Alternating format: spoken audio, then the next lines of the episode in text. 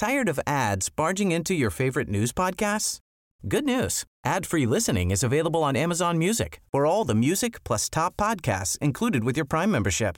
Stay up to date on everything newsworthy by downloading the Amazon Music app for free or go to amazon.com slash news ad free. That's amazon.com slash news ad free to catch up on the latest episodes without the ads.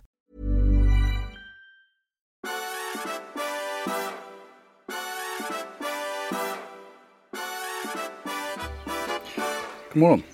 Hej. Som man säger. Ingvar Carlsson ska skriva en bok om döden. Jag tänkte jag skulle öppna starkt.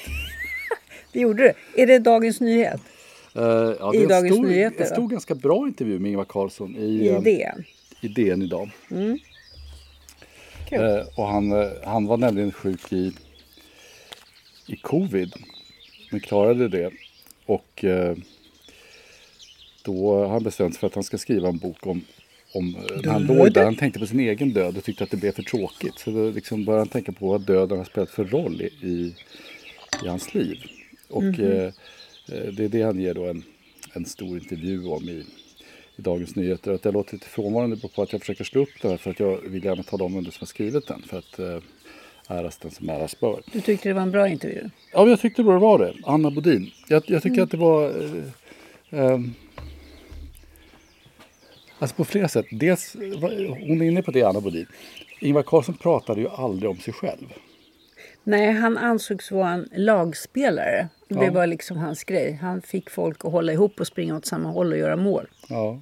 Och Anna Bodin citerar eh, Lena Melin, Aftonbladet, som sa någon gång, när hon fick från på den svår, den, vem som hade varit svårast intervju under hennes karriär, så sa hon Ingvar Carlsson som alltid sa vi i partiet, aldrig jag.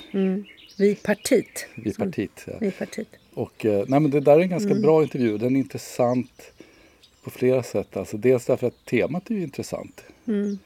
Eh, tycker jag. Eh, och sen så är ju också... Eh, alltså det är verkligen vad heter det? a blast from the past.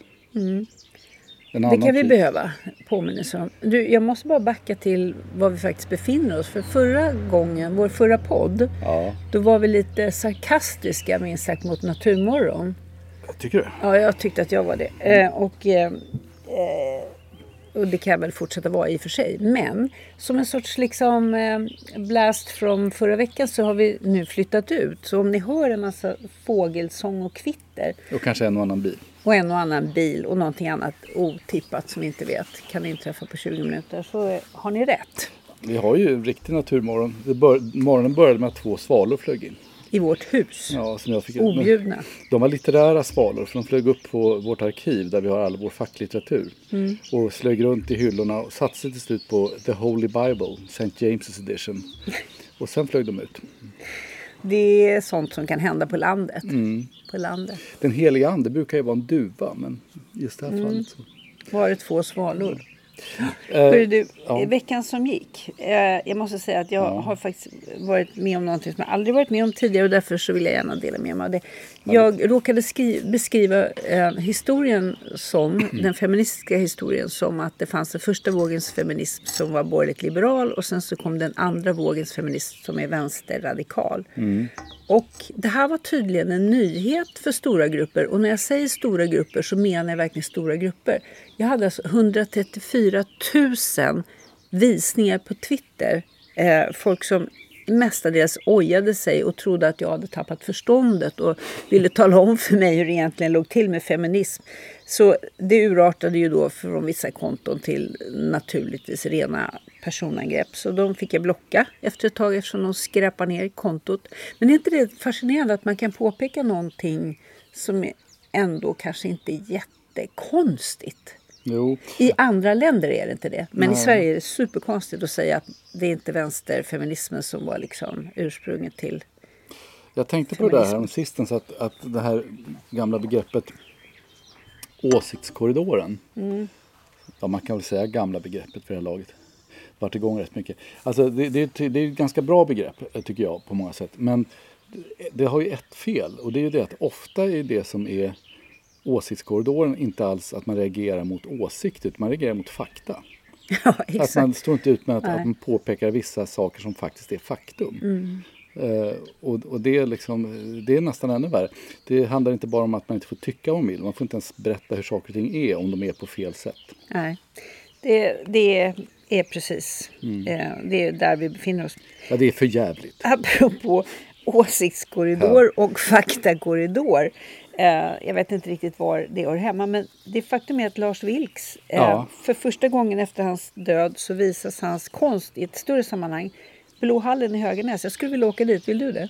Ja, kan göra. Det är Jag, inte så långt. jag skulle vilja se. Jag läste det där också. Jag, jag såg egentligen bara rubrikerna. Vad, vad är det som ställs ut? Är det, Det är är alltså inlånade bilder? verk från Ja. hans minnesfond samt från ett flertal privata samlare, vänner och Höganäs kommun och så vidare. All right. Öppnar först 21 juli. Ja, men det ska vi passa på att Ja, göra. det tycker jag. Apropå människor som har tvingats leva med ja, korridoren. I korridoren kanske. Vilks var ju intressant på många sätt. Men ett, ett sätt som han var rätt intressant på som jag inte tror att alla har riktigt klart för var att han var en ganska bra porträttmålare.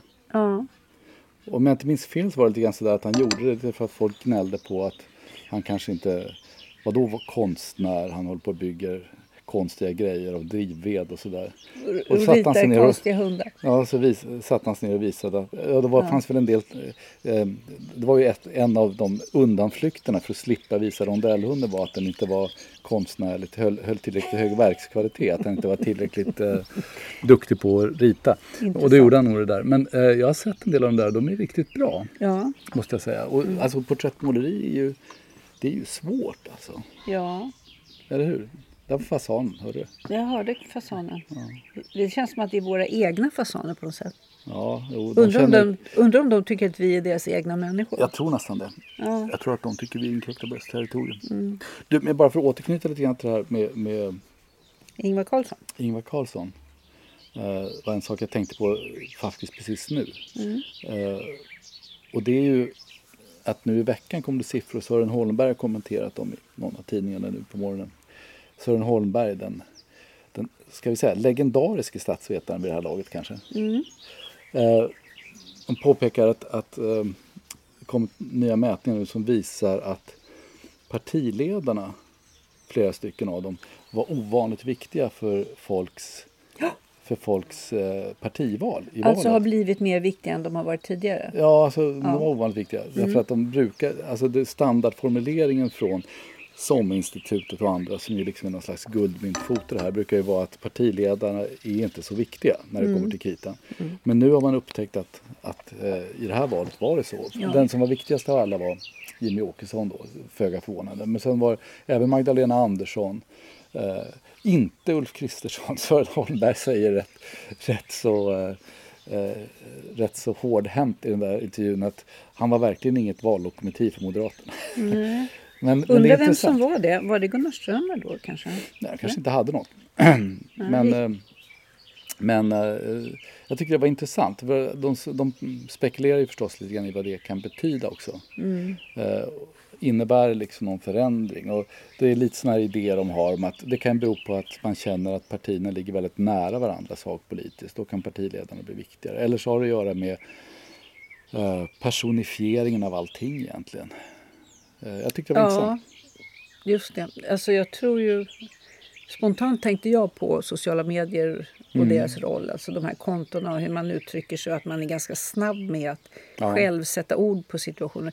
Alltså Gunnar Strömmer har ju eh, efter, ja, under den här mandatperioden varit ute väldigt mycket på platser Mm. där saker och ting har inträffat på ett sånt där. Ja.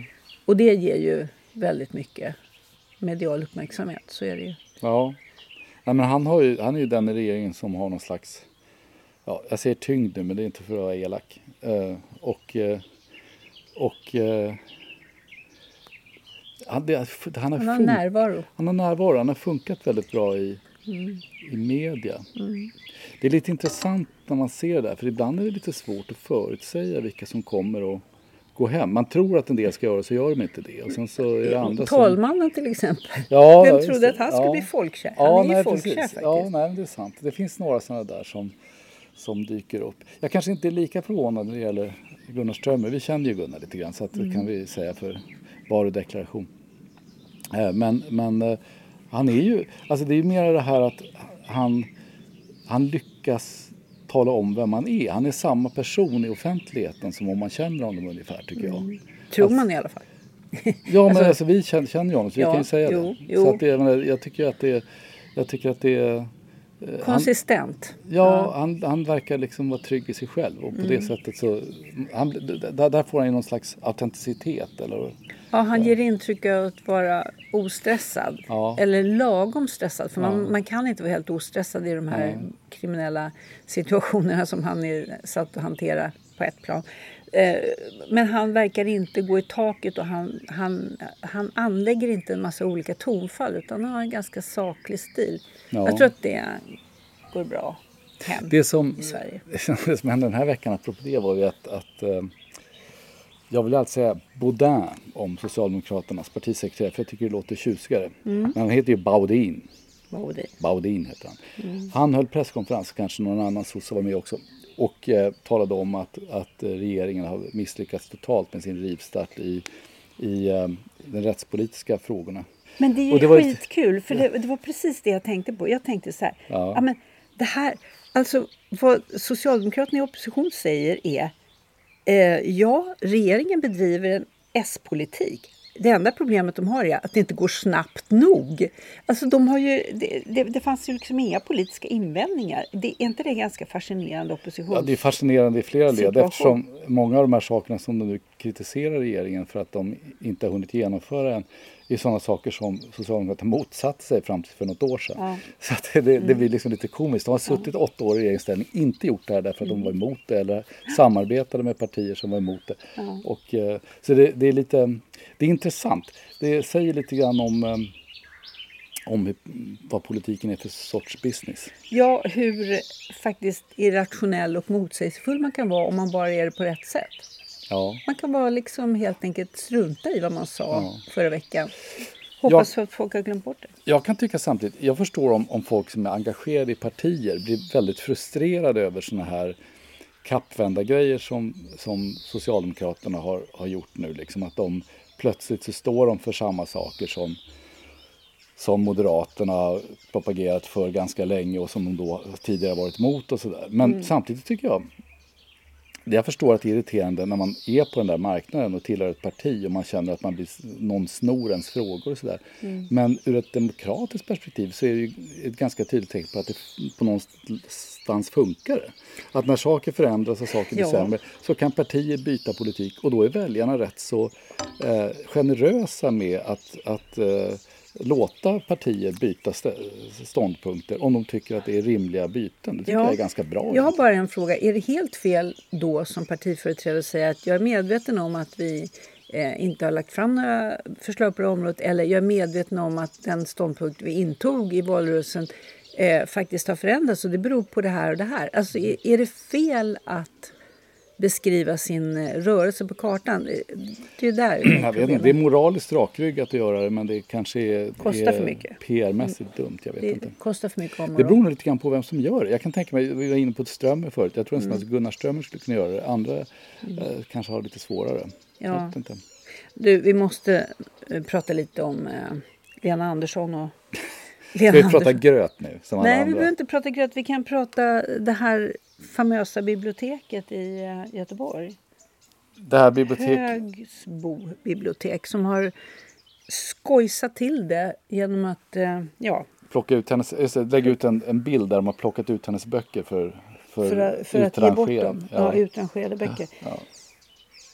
Nej. Men det är väl sånt där tecken. Alltså, lite grann är det väl så här att det finns ju alltid människor med väldigt dåligt omdöme. Mm. Även i, i kommunal och statlig förvaltning. Problemet är att de alla har tillgång till ett Instagramkonto numera.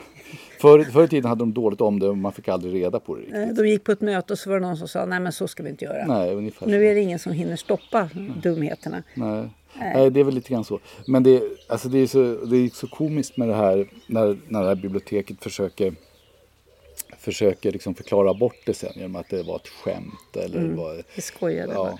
Ja. Det är lite, men det, det tangerar ju också här som, som vi kanske varit inne på några gånger förut om, om eh, tjänstemannarollen och så. Vad ska man... Eh, hur ska man bete sig om man, om man faktiskt inte är privatperson eller ens företrädare för ett privatföretag utan man är faktiskt en representant för kommunen eller staten eller någonting mm. sådär. Då kanske man måste tänka på lite grann hur man Ja, alltså när man tog bort tjänstemannaansvaret eh, mm. som en idé så är det klart att det blir svårare för eh, folk som vill styra upp verksamheten i enlighet med vad man har för direktiv mm. att göra det. Alltså, det påminner mig lite grann om någon gång när jag för kanske 15-20 år sedan var på någonting som heter Public Service-klubben. Ja, där, Redan där, där känner jag att det tar ja, där, där, där då journalister från både Sveriges Radio och ja. SVT var med och kanske någon från UR också. Ja. Och det var rätt mycket unga människor. Vi skulle diskutera ja, lite grann medieetik eller någonting. Och jag upptäckte ganska snart att en hel del av de här unga människorna såg ut som eh, eh, liksom fiskar och som bara bubblade. Liksom. När, när, när man påpekade att när man jobbar i public service så är man offentligt anställd och att det är inte detsamma som att vara på ett privat medieföretag. Det verkade som om den där distinktionen gick rakt över huvudet. Och det gör ju den hela naturligtvis mycket svårare att förstå vilken roll man har som journalist. Om man tänker att ja, men nu sitter jag här på det här huset och det finns en stor påse pengar och vi kan göra massor med roliga saker. Men man förstår inte vem som är uppdragsgivaren. Man mm. förstår inte reglerna för verksamheten. Då är det klart att det är ganska, om jag ska uttrycka mig snällt, det är svårt att vara chef för en sån eh, konstruktion. Men någon gång måste man ju bara påpeka såna här enkla saker. Var kommer pengarna ifrån? Och det är politiskt beslutat var pengarna kommer ifrån. Och när det sen blir en diskussion om hur public service sköter sitt uppdrag så är det inte så väldigt märkvärdigt i det långa loppet att det blir det. Egentligen så borde public service vara ganska glada över att någon vill diskutera hur man jobbar, betydelsen av det man gör och inte bara ta allt det här, den här konstruktionen för given. Ja, det är ju andra Sträng sidan... säger. Det är ju andra sidan av att public service har en särställning som de gärna själva talar om och framhäver. Alltså har man det så måste man ju också vara medveten om att man kommer att granskas och, och utvärderas på ett annat sätt. Just därför att man har den särställningen, det är klart. Men det där är, ja jag vet inte. Eh, det är faktakorridoren. Ja, faktakorridoren. Du, um, Sparks har kommit med ett nytt album. Jaha. Vet att de har varit igång i tror jag 55 år nu. De är ungefär lika gamla som jag är. Okej. Okay. Jag tycker det är lite fascinerande. Ja, berätta mer. Och de håller fortfarande stilen. Ja, men Sparks är en sån här... Jag kommer ihåg när jag hörde Sparks första gången. Det var när, när min syrra köpte ett kassettband med Sparks. Mm. Vad kan det ha varit? Antagligen lite grann i förskoleålder. Eh, och det, man hade inte hört någonting som lät sådär förut.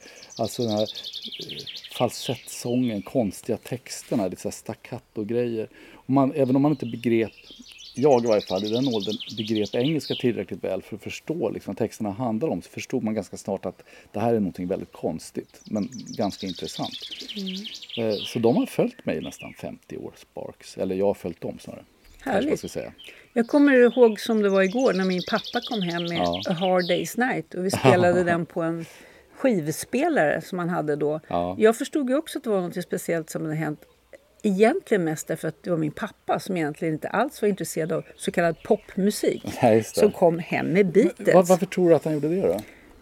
Jag tror att han tyckte att de var bra helt enkelt. Men han var ju också lite anglofil. Hade det med saken att göra tror du? Kan ha varit. Jag har aldrig frågat honom och nu är det för sent att fråga. Jaha. Ja, men köpte han det till sig själv? Eller Nej, jag köpte den till oss alla på något sätt. Ah, okay. Vi lyssnade allihopa på Beatles. Ja, ja. Det var klart att det var defining moment. Ja, det kan man ju förstå. Det fanns ju ingenting av det där att det här var konstigt eller annorlunda utan det här var bara nytt och, och ganska fantastiskt. Nu mm. kanske jag inte var exakt sju år, men, för jag vet inte vilket år det var. Men det var enormt. Ja, enormt, en enorm påverkan.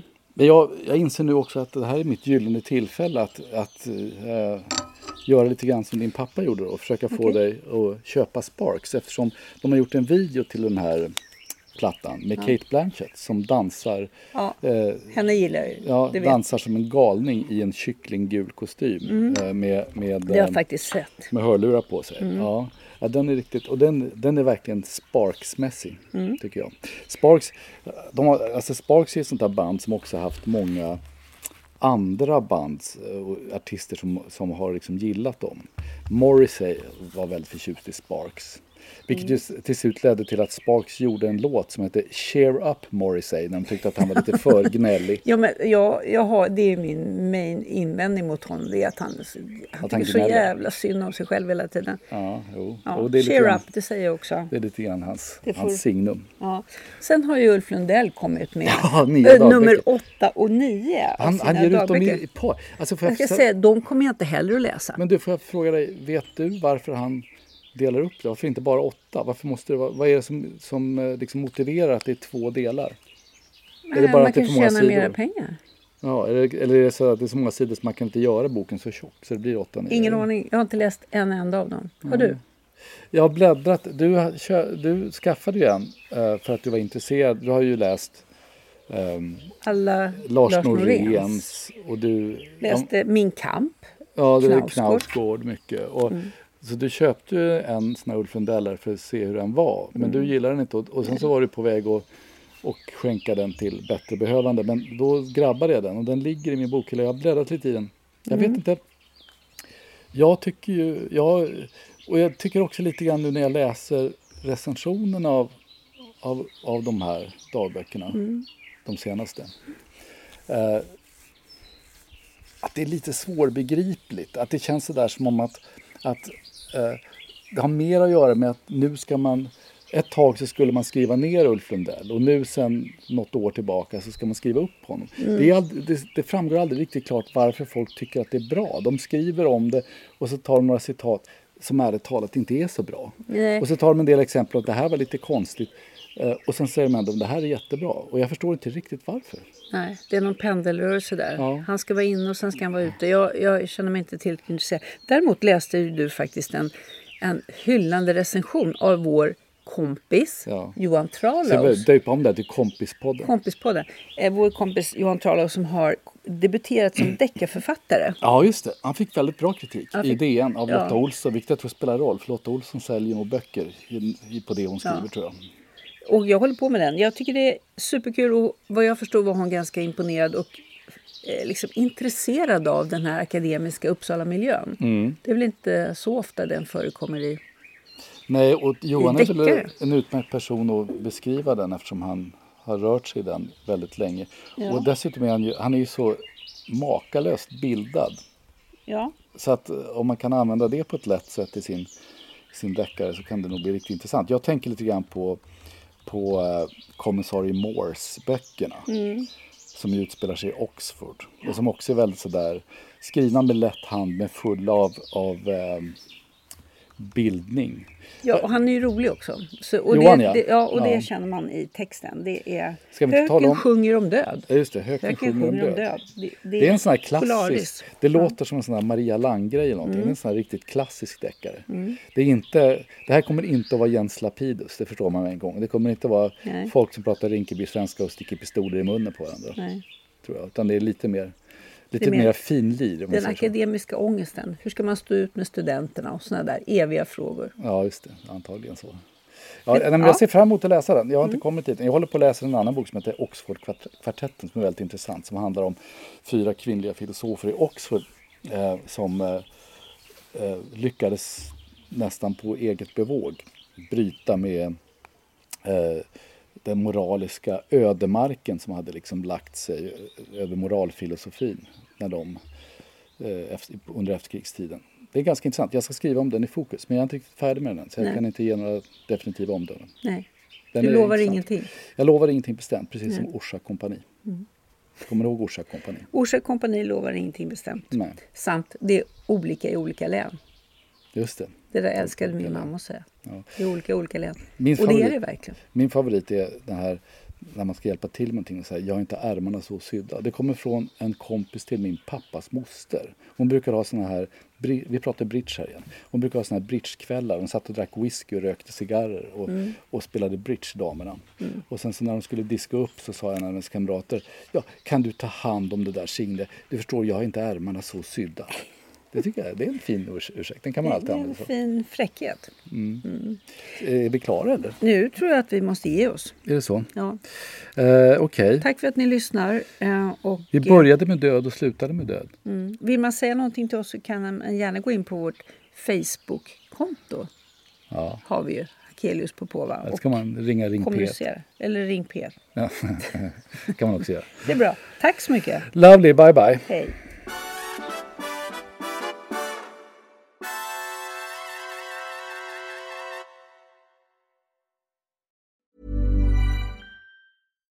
Subtle results, still you, but with fewer lines. Botox Cosmetic, out of botulinum toxin A, is a prescription medicine used to temporarily make moderate to severe frown lines, crow's feet, and forehead lines look better in adults. Effects of Botox Cosmetic may spread hours to weeks after injection, causing serious symptoms. Alert your doctor right away as difficulty swallowing, speaking, breathing, eye problems, or muscle weakness may be a sign of a life threatening condition. Patients with these conditions before injection are at highest risk. Don't receive Botox Cosmetic if you have a skin infection. Side effects may include allergic reactions, injection site pain, headache, eyebrow and eyelid drooping, and eyelid swelling. Allergic reactions can include rash, welts, asthma symptoms, and dizziness. Tell your doctor about medical history, muscle or nerve conditions including ALS or Lou Gehrig's disease, myasthenia gravis, or Lambert-Eaton syndrome and medications, including botulinum toxins, as these may increase the risk of serious side effects. For full safety information, visit BotoxCosmetic.com or call 877-351-0300. See for yourself at BotoxCosmetic.com. Tired of ads barging into your favorite news podcasts? Good news. Ad-free listening is available on Amazon Music for all the music plus top podcasts included with your Prime membership. Stay up to date on everything newsworthy by downloading the Amazon Music app for free or go to amazon.com slash news ad free. That's amazon.com slash news ad free to catch up on the latest episodes without the ads.